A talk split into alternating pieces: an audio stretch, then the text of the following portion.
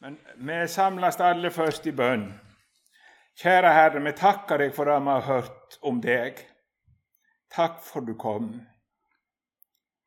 Og takk for at du vil ikke at noen av oss skal gå fortapt. Du kunne elske oss sånn at du ville gå i døden for oss. Og så får vi samles i ditt navn og være under din sjelesorg. Og nå ber vi deg, Herre, gi oss du din hellige ånd når vi nå skal høre og tale. Godt å tenke, tale, gjøre. Dertil må din ånd oss føre. Amen. Ja, vi begynner med å lese fra det sjette kapitlet i Første Mosebok. Det er et overmåte viktig kapittel. Og vi leser i Jesu navn. Da mennesker på jorda tok til å verte mange, og de fikk døtre, da så Guds sønner at menneskedøtrene var vakre og de tok seg koner ettersom de hadde hug til. Da sa Herren, min ande skal ikke i all evig gå i rette med mennesker. I sin villfaring er de kjøtt, og levetida deres skal være 120 år. I de dagene og like en siden var det kjemper på jorda, da Guds sønner gikk inn til menneskedøtrene og fikk barn med dem. Dette er de mektige mennene i gammel tid, de navngjetne. Herren så at vondskapen åt mennesker var stor på jorda, og alle tanker og føremål i hjertet deres var vonde hele dagen til ende. Da angra Herren at han hadde skapt mennesker på jorda, og hjertet hans ble fullt av sorg. Og Herren sa:" Jeg vil rydde mennesker som jeg har skapt ut fra jorda, både mennesker og fe og krypdyr og fuglene under himmelen, for jeg angrer at jeg har skapt dem. Men Noah fant nåde for Herrens øyne. Dette så om Noah etter hans. Noah var en rettferdig mann, ulastende mellom de som levde på samme tida. Noah vandra med Gud. Og Noah fikk tre sønner, Sem, Kam og Jafet. Men jorda var forderva i Guds øyne. Hun var full av vald. Og Gud så på jorda og sjå, hun var forderva. Alt kjøtt var forderva i si ferd på jorda. Da sa Gud til Noah, nå vil jeg gjøre ende på alt kjøtt, for de har fylt jorda med vald. Sjå, jeg vil ødelegge både deg og jorda. Bygg deg i ark, ark av godførtre. Du skal innreie henne med rom og stryke henne med bek, både innvendig og utvendig. Slik skal du bygge henne. Arka skal være 300 alner lang, 50 alner brei og 30 alner høg. Øverst på arka skal du gjøre ei ljosåpning som når ei alen ned på veggen. Sett døra til arka på den ene sida. Du skal bygge henne med tre dekk, ett nest, ett imellom og ett øverst. Innreie dem med rom på hvert dekk. Og sjå, jeg let en vassflaum komme over jorda og ødelegge alt kjøtt under himmelen som har fått livsande. Alt som er på jorda, skal gå til grunne. Men jeg vil gjøre ei pakt med deg, og du skal gå inn i arka, du og sønnene dine kona di og sønnekonene dine. Og av alt som lever av alt kjøtt, skal du ta et par av hver slag med deg inn i arka for å holde det i live sammen med deg. De skal være han og hun. Av alle slags fugler og alle slags fe og alle slags krypdyr på jorda skal det komme par for par til deg for å berge livet. Og du skal ta med deg noe av alle slags mat og samle det hjå deg, så det kan være til føde både for deg og for deg. Og Noah gjorde slik. Han gjorde i ett og alt slik Gud hadde gitt påbud om det. Amen. Ja Jeg har sagt før, og da gjentar jeg, at eh, det som er i den første kapitlene, urhistorien, som vi gjerne kaller det, det er et forbilde og et avsnitt som slår grunntonene i Bibelen. Sånn at hele denne tidsrommet det er i grunnen et forbilde på alt som kommer etterpå. Der du har skapelsen, du har fallet, og så husker det med de, eh, de to måtene å stille seg til Guds frelsesløfte. Gud ga jo løfte om frelsen. Så kunne de gjøre så Abel at de trodde Gud. Og da hadde Abel Guds velbehag over livet så Gud tok imot gåva hans.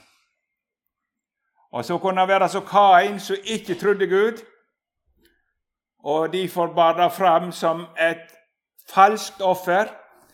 Det var en falsk gudstjeneste. Og at Kain er et uomvendt menneske, sa jeg, det viste tydelig hvordan han stilte seg til Guds ord.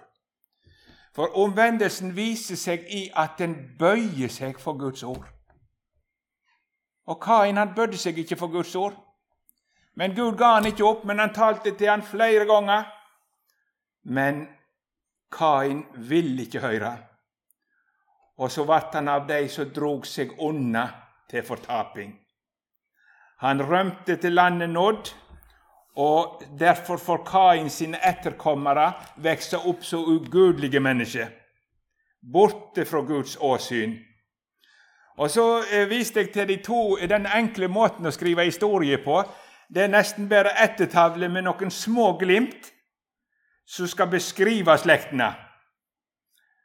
Først får vi se Kain-slekta, hvordan den er innstilt. Ikke minst gjennom Lamek, som begynte å ta seg flere koner. To koner. Og antagelig etter hvordan de tok seg ut i det ytre. Det var det som var stort for Kain-døtrene. Det var å være ytre vakker.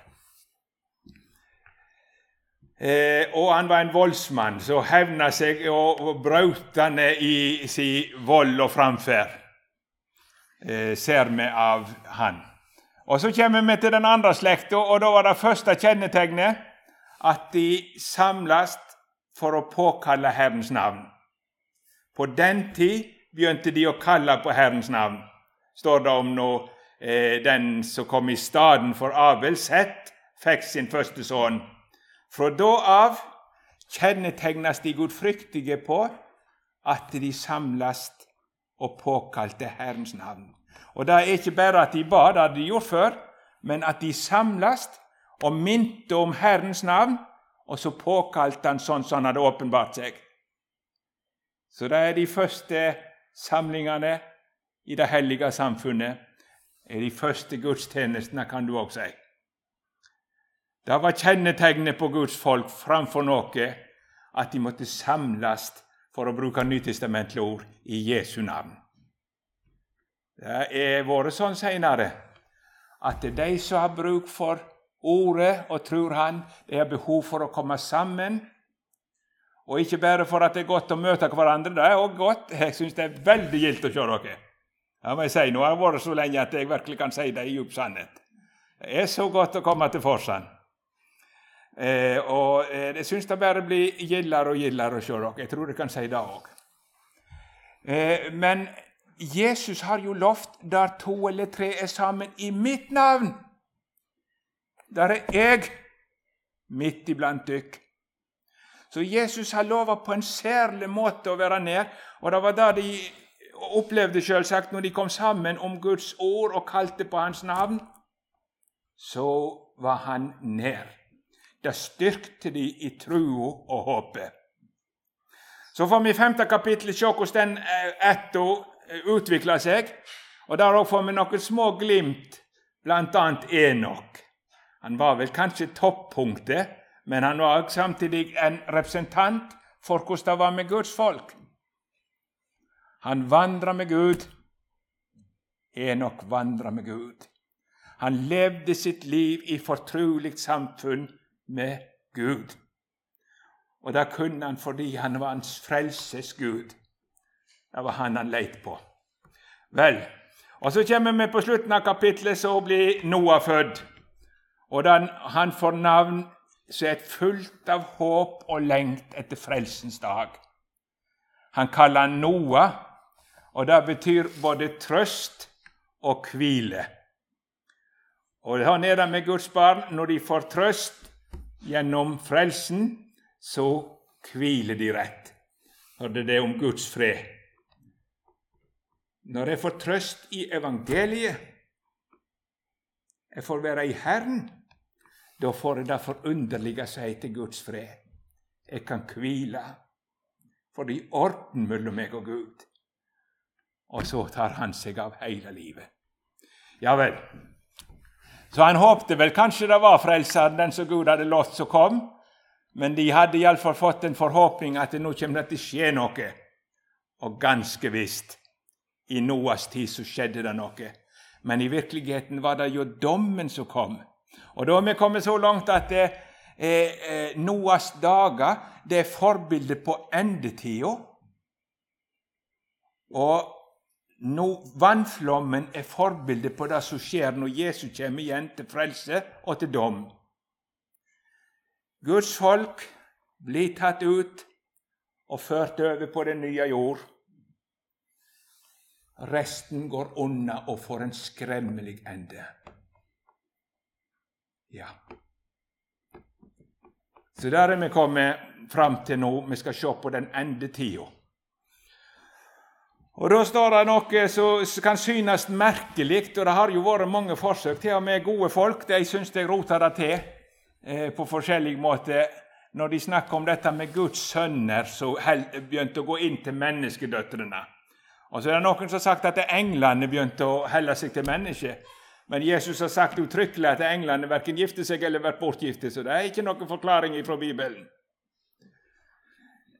Guds sønner det er et annet ord på Guds folk. da. Og særlig da i dette tilfellet mennene i Guds folk. Og Når det da brukes i motsetning med menneskedøtrene, så sikter det til den andre åndelige slekta på jord. Så det som skjer i endetida, det er at Guds folk begynner å blande seg med de som ikke tror, på en ny måte. De begynner å gifte seg med verslige som ikke har tilliten til Gud og Guds ord, og så går en ganske annen åndelig vei. Og dermed får de eh, et ekteskap der de drar i hver sin retning. Og da skjer det som har skjedd så mange ganger seinere, at Guds folk faller ifra. Så før dommen kom, så var det ei frafallstid. Og det har Jesus sagt uttrykkelig klart skal skje i endetida òg. Før Antikrist stiger fram, så skal det skje noe som heter det store frafallet. Og Det er et forbilde på det, det som skjer. Der, nå betyr ikke det selvsagt at, eh, at eh, vi ikke skal ha med verslige folk å gjøre. Utvortes. Men åndelig sett går det et skille. De som drives av Guds hellige ånd til et hellig liv mot himmelen, og de som følger verdens og djevelens ånd til et liv etter sine lyster, mot fortapelsen. Kan det bli likt? Nei, det kan ikke bli likt. Og Derfor må Guds folk vakte seg, så ikke lys og mørke begynner å blande seg så jeg begynner å ta inn det som ikke hører Herren til, og det som ikke er i samsvar med Hans gode vilje. For det gjør nemlig verden. De forlyster seg i ting som er mot Guds vilje. Og du kan tenke hvordan det blir med barneoppdragelsen. Når far vil en vei og mor vil en annen vei åndelig, og til slutt så blir det, må de nå holde fred med hverandre, og så blir det ingenting. Mange ganger. Vanskelig. Og Det er ikke for ingenting at dette gjentar seg både i Nye og Gamle testamentet. En klar advarsel fra Gud til å få seg ektefelle som lever i vantrua. Så det brukes i Korinterbrevet i en videre sammenheng. Dra i åk med vantru. Altså, en går i sammen, bunnen i sammen. Du kan tenke på oksespann, to stykker. De må følge i grunn samme veien de når de går i åk. Og Derfor er det så farlig å dra i åk med ei vantru. Israelsfolket får klar befaling. De skal ikke blande dere med hedningefolkene, for da kommer de til å vende dere bort ifra meg. Og Når det står om eh, rådene i Korinterbrevet, så står det la de gifte seg bare det kan skje i Herren. Hva betyr det å gifte seg i Herren? Det betyr for det første at de gifter seg som troende mennesker som vil holde fast på Herren. Og så er det lovlige giftermål. Så kan det nå skje, og det er eksempel på det, at har, det har ikke blitt sånn, og så har den ene blitt omvendt. Det har hendt. Gud er underets Gud. Men å gå bevisst inn i noe som Gud advarer mot, det må alle troende advare kraftig imot. Det er mange flere det gikk galt for. Mor vår hun var ganske praktisk når hun snakket med deg, og så sa hun at eh, hvis du står på en stol og en annen står ned, og du skal se hvem som vinner, så er det lettere for den som står ned, å dra deg ned, enn det er for deg å dra den andre opp. Og Det var jo en måte som jeg kunne forstå det. Ja. Men det, det betyr da at eh, Guds folk begynte å tenke annerledes enn de hadde gjort. For hvorfor gjorde de det? Jo, de gjorde det fordi de så at menneskedøtrene var vakre. Ja, altså det som var det avgjørende med å få seg ektefelle, det var å få en som var vakker. Og nå var det helt sikkert vakre folk blant eh, setittene òg. Det er så, men men det er jo ikke det som i bunn og grunn er det avgjørende punktet. Det er det ikke. Det ytre. Nå har Gud gjort det fint, og du, du ser et menneske som har det godt med Gud og sine medmennesker, kan være så vakkert på mange måter. Men eh, eh, det er ikke det ytre som er det viktigste i en troende sin sammenheng. Det viktigste er at vi må få lov å vandre sammen med Jesus og få en kristen hjem. Skal hjem. Vi kan hjelpe hverandre til det evige livet. Det er det viktigste. Men i verden så er det nå først og fremst, eh, iallfall sånn som vi kan se det mange plass Jeg eh, må ikke si konsekvent, for at Gud virker ennå i verden. Det er mange gode ting òg blant de verstlige, ikke som holder for Gud. Men Gud holder oppe morskjærligheten, og han lar mange nyttige folk leve et ganske godt liv menneskelig, og det er Guds gode gave. Når mennesket gjør mer og mer opprør mot Gud, så hender han må dra hånda tilbake og gi menneskene over til sine lyster. Og da blir enda til de naturlige tingene borte. Den naturlige kjærligheten. Det ser vi for en del i vårt land, både i forhold til eh, hvem som kan gifte seg, og i forhold til det med morskjærligheten at ei mor kan legge hånd på sitt eget barn i mors liv. Da er den, mors, den naturlige kjærligheten òg skjedd noe med. Det er unaturlig, og det er vondt. Ja, eh, men eh, det er jo en, en helt annen retning et troende menneske har åndelig sett enn et verslig. For her er det Jesus som skal bestemme i mitt liv. Det er han som er det viktigste i mitt liv. Og det viktigste er at jeg får være på himmelveien og vandre med Gud. Og da kan jeg ikke ta Gud i ene hånd og så ta en annen i hånd og så går motsatt vei. Det vil ikke fungere godt.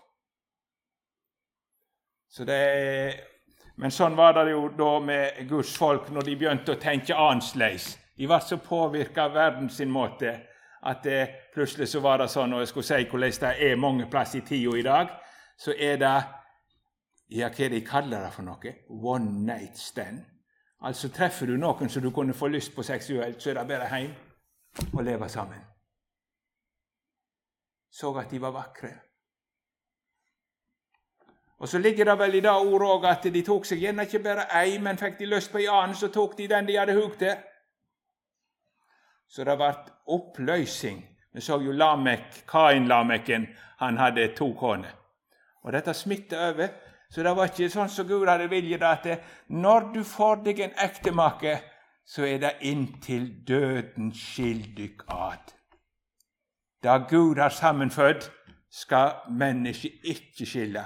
Og jeg har tenkt det, Nå har ikke jeg det sånn at jeg får preike i bryllup, og det er kanskje like godt, for, men jeg har tenkt at i dag er det nødvendig å si i gode og vonde dager.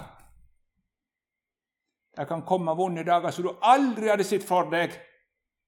Da skal du huske hva du lovde for Guds åsyn. Inntil døden skjedde godt. Om ektefellen blir så sjuk at det blir en pleiepasient Ja, det vet jeg om. Det var en eh, så han Knut Pedersen kjenner noen av dere til. og Han hadde en, en læremester eller et ektepar som han satte veldig høyt. Men på slutten så satt hun som en pleiepasient som måtte hjelpes på alt. Og Det var et helt år, og så døde hun.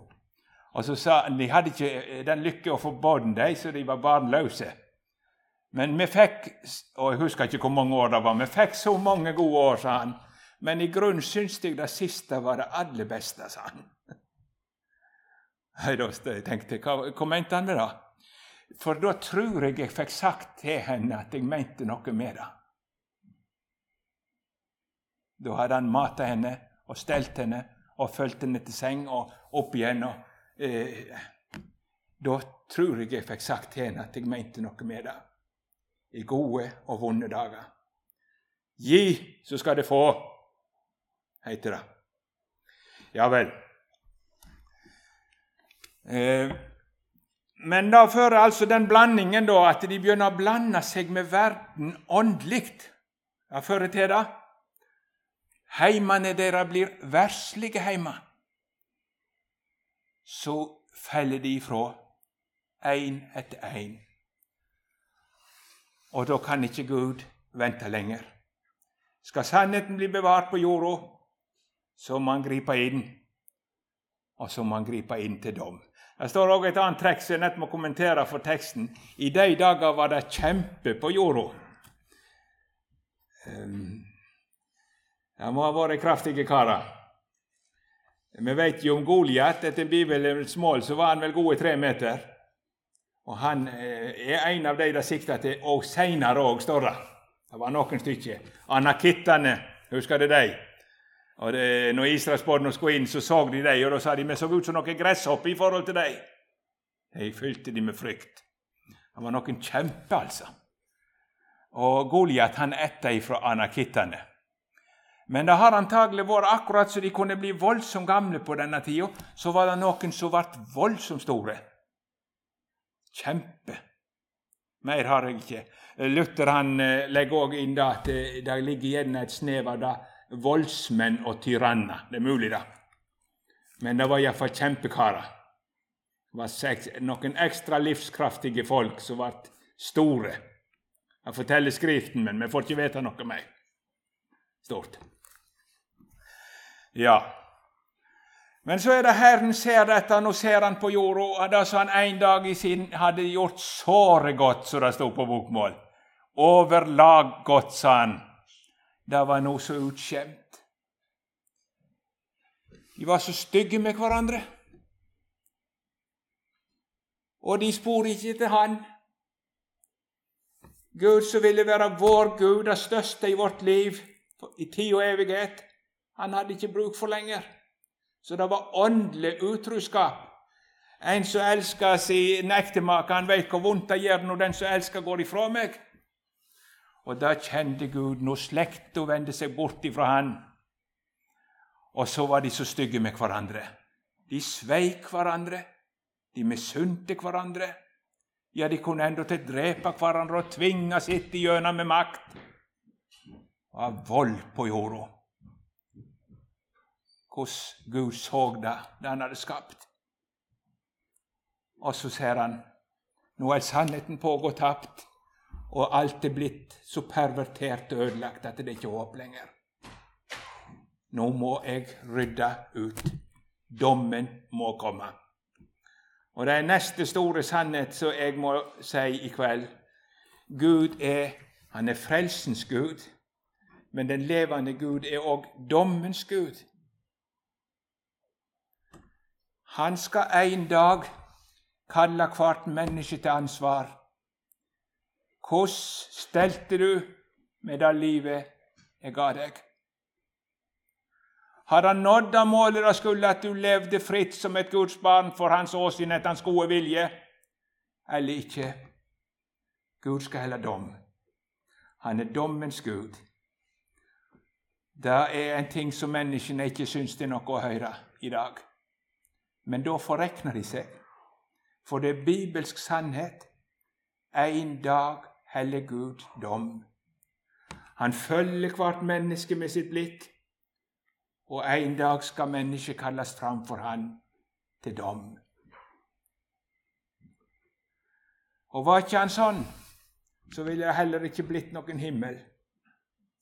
Han må rydde ut av sitt rike djevelskapen. Og da har jeg stundom måttet svart på spørsmål. Hvis Gud finnes, hvorfor er det så mye vondt i verden?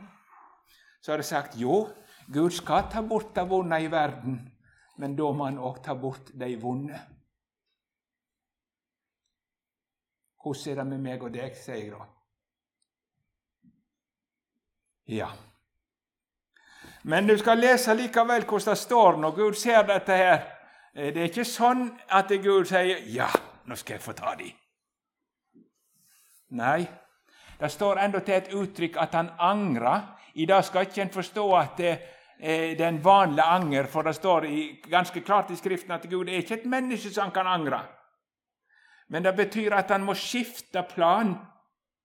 Han hadde tenkt å være så god med menneskene, men nå må han skifte plan. Han må dømme dem til straff.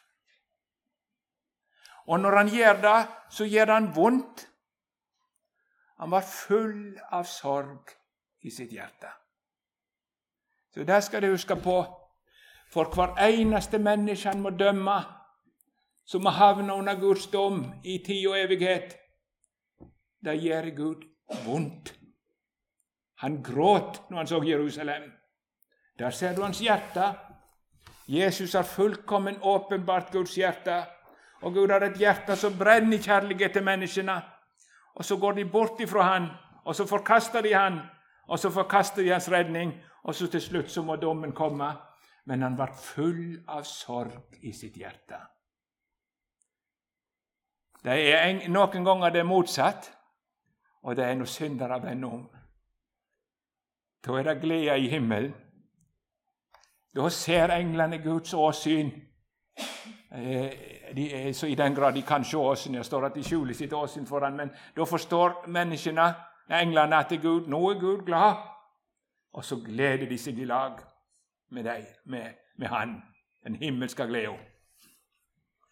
Ja, sånn at det, det er et veldig sterkt uttrykk.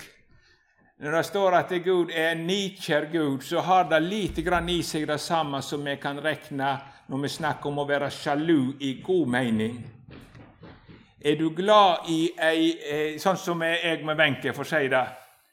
Hadde hun begynt å, å holdt seg til en annen mann og fått en annen mann som ville være i lag med i stedet for meg, så hadde det gjort meg voldsomt vondt.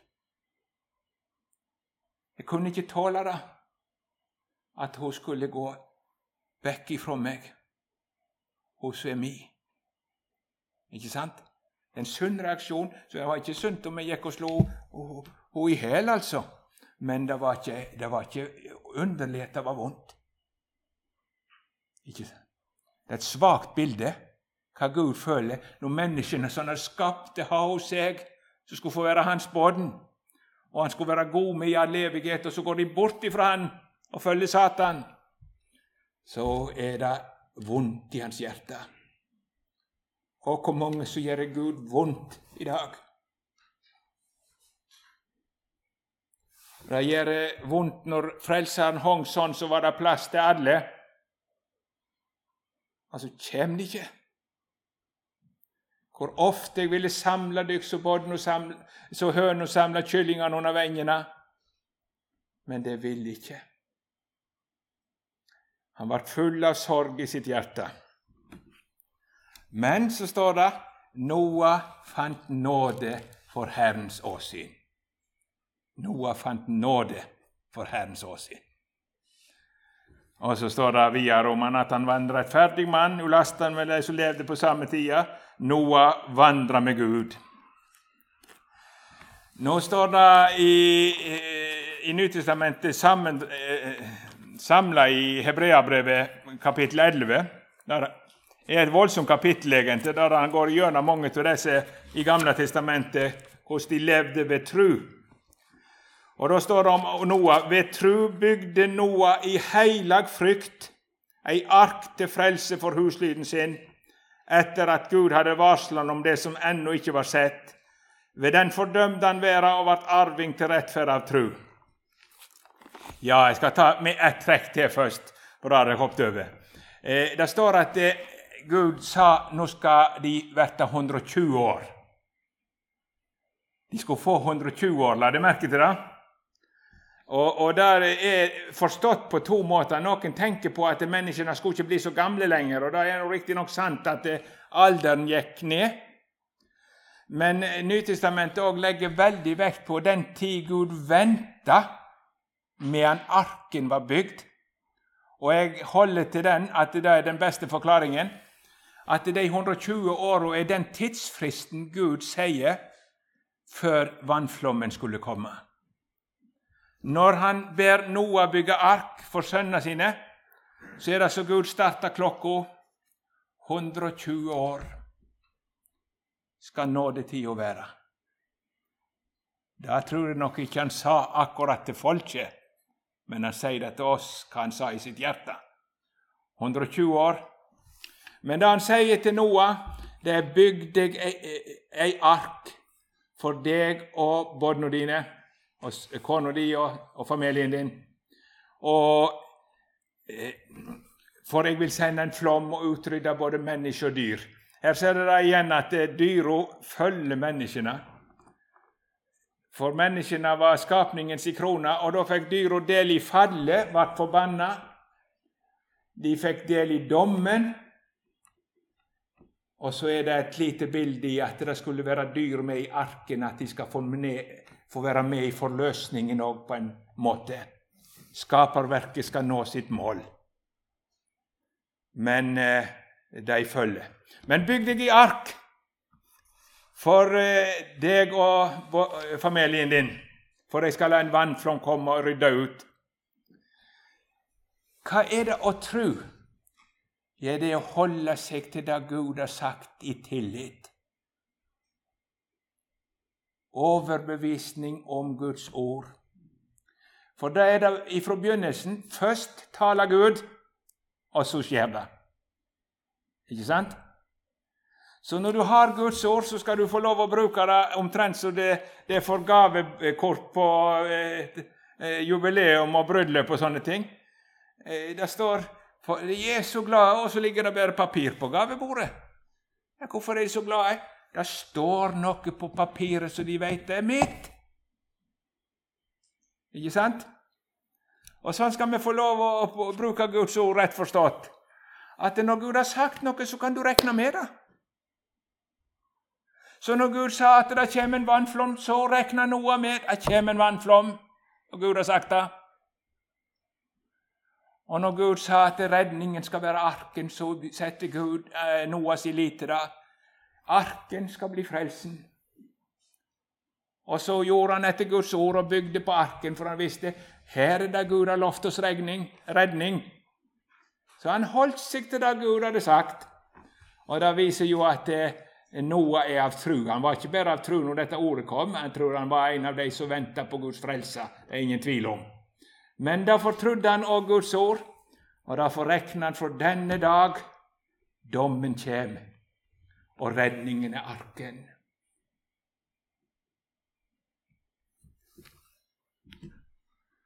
Så kan du tro det gikk for seg. Hvis det skjedde da sånn som dette der i 120 år, så hadde han begynt på arken til og med før han fikk sønner. Så han har regna med Guds ord at han skulle få sønner. Og så er sønnene med etter hvert, og så driver de på dag etter dag, og folk kommer rundt og sier Og så var det ei vond tid, der de spotta Noah. Nå ser dere hva denne religiøse grublinga blir til. Se hvor tosken han er. Nå er han begynt med noe som ikke kan bli noen ting av. Og, og skulle Gud være sånn Gud er jo ikke en Gud som dømmer hvis Gud er god. Du sier jo Gud er god. Kan det komme noen dom? Nei, det er du Noah som er blitt så dømmesjuk. Noah, du er så dømmesjuk. Kan Gud ødelegge dette fine skaperverket? Nei, det er sånn er ikke Gud. Så hører omen av den liberale forkynnelse i dag. Jeg har ikke snakk om noe dom. Nei, Gud er så god, han vil oss bære godt. Ja, Gud vil oss godt, men han er likevel dommens Gud. Det er han. Og hvordan det var med å ha unger i oppdragelse i den tida. Pappa, hvorfor skal vi ha det så annerledes enn de andre? Mamma, de andre gjør ikke sånn. Nei, men vi skal bli redda. Gud har sagt. Han har lovt han skal ta seg av oss. Det skal ikke bli slutten for oss. Og så kommer de andre kanskje og snakker med Noah hva du holder på med. Det kommer en vannflom, det må vende om til Gud, ellers går det gale. Ah. Ja. Jeg klarer ikke å male det ut. Det var en gammel eh, sang, eller nærmest ei vise i sang. Hvorfor bygger du Noah din båt? Du bærer deg underlig åt, bygger båten på land langt fra nærmeste strand. Stakkars Noah har mist sin forstand. Stakkars Noah. Skulle du alene ha rett i hele verden? Det fins ikke en vitenskapsmann som har funnet ut at det kommer noe flom. Nei, Noah. Nå er du kommet på villspor.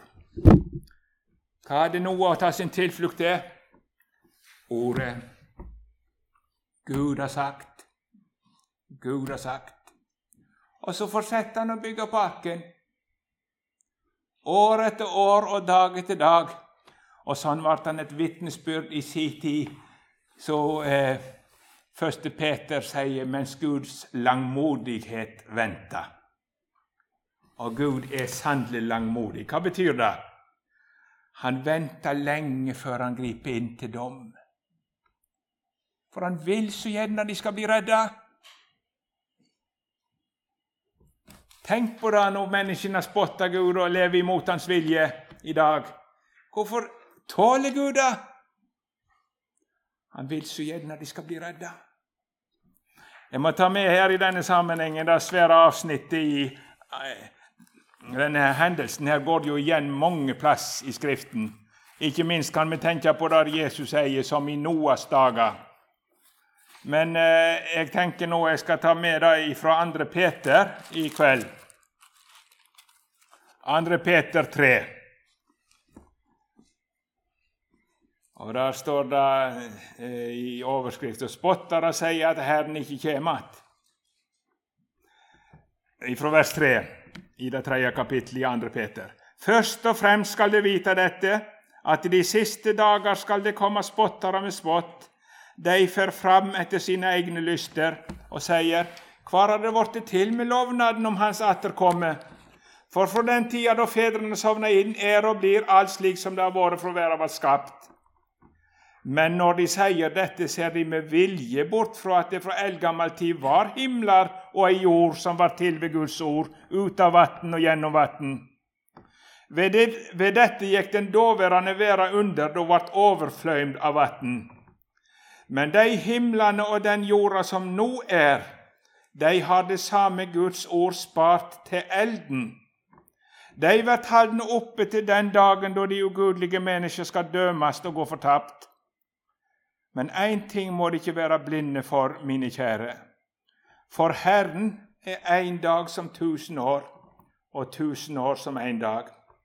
Herren dryer ikke med lovnaden, slik som helte for drying men han har tålmod med dykk, for han vil ikke at noen skal gå fortapt, men alle skal komme til omvending. Men Herrens dag skal komme som en tjuv, og da skal himlene få gå med stort brak, og himmellekamene skal komme i brann og gå i oppløsning, og jorda og alt som er bygd på henne, skal brenne opp. Da nå alt dette går i oppløsning, hvor viktig er det da ikke at det ferdes heilagt og i Guds frykt, medan det venter på at Guds dag skal komme, og skunder han fram, da himlene skal verte oppløst i eld og himmellekamene komme i bråna i brann. Men etter Hans lovnad venter vi nye himler og ei ny jord, der rettferd bor. Derfor, mine kjære, når du venter på disse ting, så legg vind på å bli funnet uten flekk og lyte for Han i fred. og akta vår Herres tålmod som frelse. Ja, er ikke det noen eh, veldige ord inni sammenhengen? Det skal altså komme spottere med spott, så er ja, de kristne Jeg snakker om Jesu gjenkomst. Det hadde de visst gjort i 2000 år. Ser du noe av det? Nei. Noe dommens dag? Ja, ja, de kan jo begynne å se en slags dommens dag i at det er vanskelig med miljø og, og, og sånn, og det er sant nok. Det kan være vanskeligheter. Men det de ikke kan tro og holde fast med, det er at denne jord holdes opp av Guds langmodighet til elden. Hun skal få gå i eld i den skikkelse hun har nå. Det står det skal komme med et flammebrøl, er det ordet som er brukt. Det er brukt én plass her, og oversett sånn noen plasser. Voldsomme ting står. Men hvorfor venter Gud? Jeg vil ikke at noen skal gå fortapt. Og så bygges det på arken, og så lenge det bygges, så er ikke døra stengt. Nå arbeider Gud i denne verden, og nå bygger vi ikke arken, men vi er med å forkynne evangeliet. Og det er nøyaktig det samme å være med og bre ut evangeliet i dag. Det er det samme som å være med og bygge på arken. Nå går det an å få det rett med Gud. Og det er ikke et spørsmål egentlig hva du har gjort, hvis du kan vende deg til Herren. Det skal jeg komme til helt imot slutten. Det er snart slutt av nå. Men eh, det er nåde Noah fikk. Noah fikk nåde. Og er det av nåde, så er det ikke av gjerning. Men at han levde ustraffelig i denne verden, det kom av at han levde med Gud. Virkning. Men han fikk nåde. Nå går det an å få det i orden med Jesus før han kommer igjen til dom. Nå går det an. Veien åpen. Men så står det i det sjuende kapittelet at det siste som skjedde før flommen kom, det var at Gud lukka døra. Og når Gud lukker døra, så kommer det ikke en eneste inn i arken. Ikke om Noah ville, så kunne han slippe flere inn. Når Gud har lukka døra, så blir den aldri åpna mer. Og da måtte de ta taket på på den nye jord, står det. Altså, Nå bruker jeg uttrykket 'nye jord' i forbildelig mening, da, men, men eh, det viste at døren kunne ikke åpnes mer når Gud har lukka den. Ja. Så eh, Det er noe med Guds frelsesvilje som er så sterkt å tenke på her. Han venter i langmodighet. Hvor lenge har han venta? Ikke i 120 år, men nå har det gått dager og år og evangeliet har vært i landet vårt i snart mer eller mindre klart, iallfall i snart over 1000 år er det vel blitt. Og ennå, ennå lar Gud sitt ord gå ut. Men det er ganske få som har bruk for å høre det. Jeg er ikke sånn eh, som er imot fotball direkte, men jeg syns det er litt trist når jeg ser fotballkampene endatil i Norge. Det er stappfullt på tribunene. Ja, det er ikke galt å fare og se en fotballkamp, tror du. Jeg har ikke prøvd sånt, men eh, det har jeg gjort i det små, da, selvfølgelig. Men eh, tenk om det kunne vært sånn interesse for Er det en plass det går an å få evig liv? Er det en plass det går an å redde sin sjel? Der en kan få himmelriket og frelse fra fortapelsen for ingenting? Og der en kan få pleie samfunnet med den levende Gud? Ja, Han sa Jan at han hadde stått i bedehuskø i dag, men det hadde vel med det koronaordningen å gjøre, tror jeg. Men eh, det, det var jo kjekt, da. Og det er godt å se dere alle sammen. Velsigne dere som kommer. Må ikke dere glemme hva det er viktig i dag. Det er viktig å få være blant de som er i arken. Og så er dette så sterkt et forbilde på frelsen i Kristus. Og der er han den sanne Noah som bygde arken for sitt hus. Ei fullbrakt frelse og en fullkommen frelser som sier 'Kom til meg, alle det som er tungt å bære. Hos meg skal det få hvile ut. Og det er en sang som heter 'Kom til den fullbrakte frelse'. Så det er en redning å få tak i. Det er noe så ferdig. Jeg skal få lov å komme til Jesus. Og så skal det, vi avslutte da med det som jeg nevnte jeg skulle si til slutt. Alltid predikantene sier til slutt, vet du. Det har ikke mange tro på. Det har jeg hørt. Ja, ja. Men da får vi prøve. Eh, Salme 32 er det noe, sier det noe, noen bibellesere. Salme 32, det sier dere noe. Det er salmen om David når han sanna sin synd for Gud. Og du tok bort min syndeskyld. Men hvis det ser vers 6 i, kapit i Salme 32 Derfor la hver trugen be til deg den tid du er å finne. Sannelig, når store vassflaumar kjem, til han skal de ikke nå. Ser det at floden er inne i denne Han tenker på vannflommen. La han be til deg den tid du å finne. Du skal få komme til Jesus. Og så lover han sannelig til han skal vannflommene ikke nå. Og hva ligger det da i å be til Jesus? Det ligger ikke å be om hjelp til å bli frisk fra kreft, først og fremst, selv om du skal få lov til det òg. Det er ikke det det snakkes om her. For i Salme 32 så snakkes det om 'Jeg sanner min synd for deg' det er at du kommer til Jesus med din synd, med deg sjøl. Jesus har nemlig sona dine synder. Hos han ligger syndenes forlatelse og venter. Og så skal du få lov å be til Jesus på den måten. Så ordet sier 'Jeg sanna min synd for deg', og du tok bort min syndeskyld. Lykkelig den som til Jesus med sine synder. Han trenger ikke frykte for dommens dag, for arken ber. Sannelig, når store vannflommer kjem, til han skal de ikke nå. Ikke engang på ildens store dag er du utrygg. Og da når du er kommet inn i arken, frelsens ark, da kan du glede deg i Herren alltid. Her er det trygt å være. Kjære Herre Jesus, vi takker deg for ditt ord. Helge oss i sannheten. Og så har jeg lyst til å be deg nå for ditt ansikt. Stell du med meg, så jeg får gjemme meg i deg. Klippe, du som brast for meg, la meg gjemme meg i deg. Det har vært min lukka i livet, og takk for at jeg får lov å fly til deg. Du min frelser. Ber for hver og en. Du veit hvordan de har det, både små og store. Jeg ber at det må bli om å gjøre å få være i arken.